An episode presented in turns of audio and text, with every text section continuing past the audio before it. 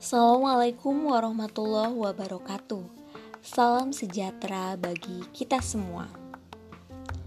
Halo kawan-kawan, kembali lagi bersama kami dalam Zona Nalar.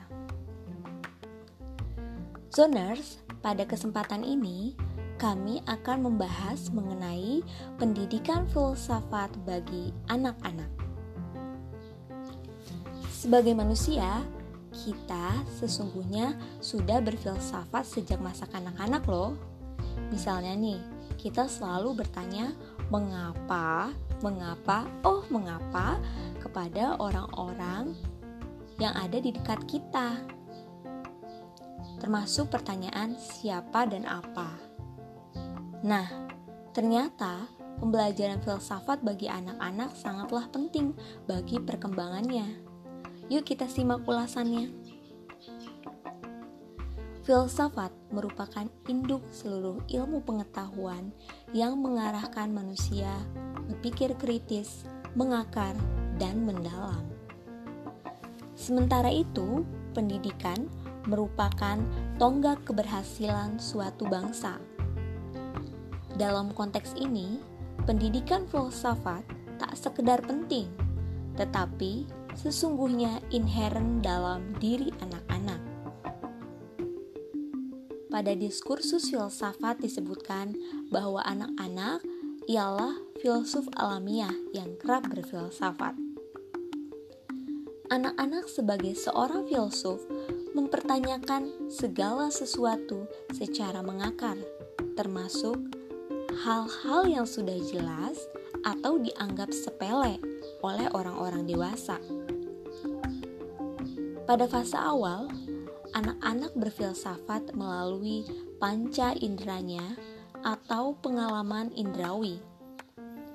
Kemudian, anak-anak perlahan-lahan menggunakan akalnya untuk mempertanyakan segala sesuatu. Misalnya, terkait dengan sebab akibat. Jadi, anak-anak sudah memiliki intuisi filosofis yang ada di dalam dirinya, sehingga melalui pendidikan filsafat, anak-anak dirangsang untuk membangun kesadaran berpikir filosofis sejak dini. Terdapat sejumlah praktisi atau scholars yang concern terhadap filsafat untuk anak-anak, antara lain Mario Bigeri, dan Marina Santi. Keduanya dalam sebuah artikel The Missing Dimension of Children's Well-Being and Well-Becoming in Education Systems, Capabilities and Philosophy for Children mengeksplorasi filsafat untuk anak-anak sebagai pendekatan pedagogis. Filsafat digunakan sebagai pendekatan dalam pendidikan anak yang disajikan sebagai dasar pedagogis dan instrumen untuk mendorong kreativitas dan berpikir kritis.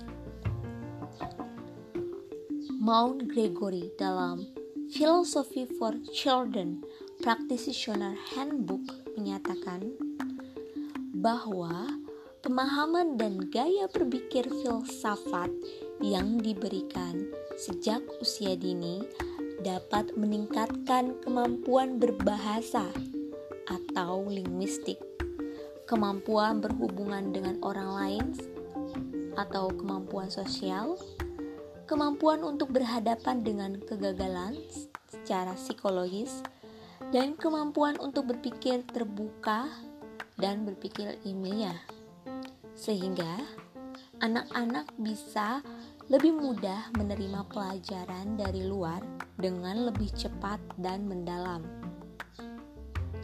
Selain itu, Gerd Biesta dalam Philosophy, Exposure, and Children, How to Resist the Instrumentalization of Philosophy in Education menggunakan filsafat dalam program dan praktik pendidikan yang dikenal dengan filsafat untuk anak-anak atau philosophy of children.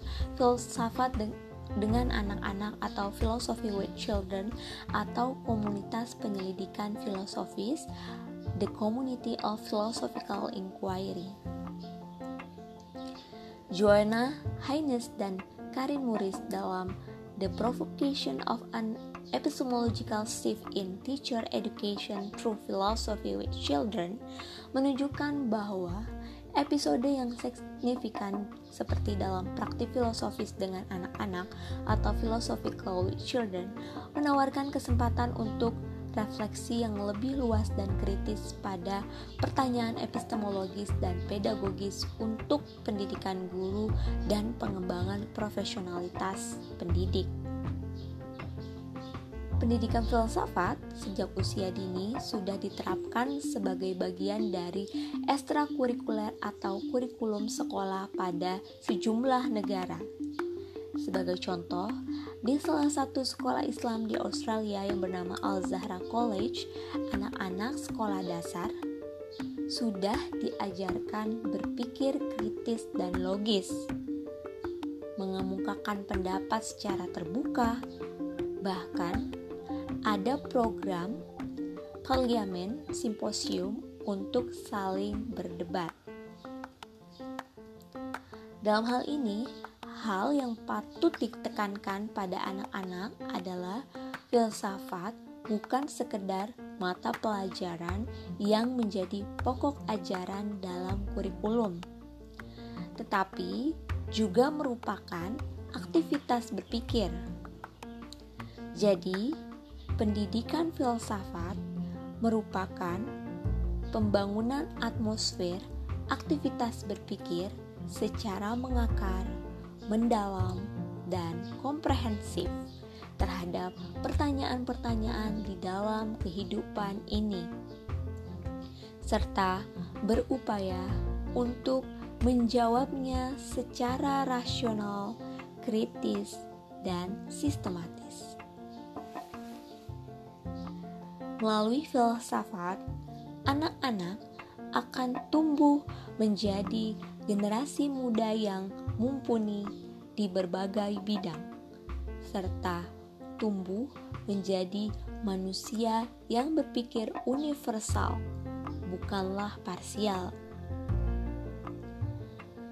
Melalui diskusi-diskusi filsafat yang bermutu, dan dikemas sesuai dengan perkembangan anak, maka anak-anak akan diajak untuk melampaui identitas sempitnya dan mencoba melihat dunia dari sudut pandang yang berbeda. Filsafat dapat mengajarkan pemahaman antar budaya antar agama, dan antar kelas sosial yang bisa tercipta melalui program anak-anak berfilsafat. Namun, perlu digarisbawahi bahwa filsafat ansih tidak mampu mencapai tujuan pendidikan ideal yang mana mendidik manusia agar bisa memanusiakan manusia dalam berbagai dimensi di dalam dirinya. Filsafat harus berdampingan dengan ilmu-ilmu lainnya yang secara komprehensif mendidik anak secara lahiriah dan batiniah yang akhirnya mengantarkan pada kesempurnaan rasionalitas, emosionalitas, dan spiritualitas pada diri anak-anak. Terima kasih telah menyaksikan video kami kali ini. Nantikan video-video kami selanjutnya. Wassalamualaikum warahmatullahi wabarakatuh.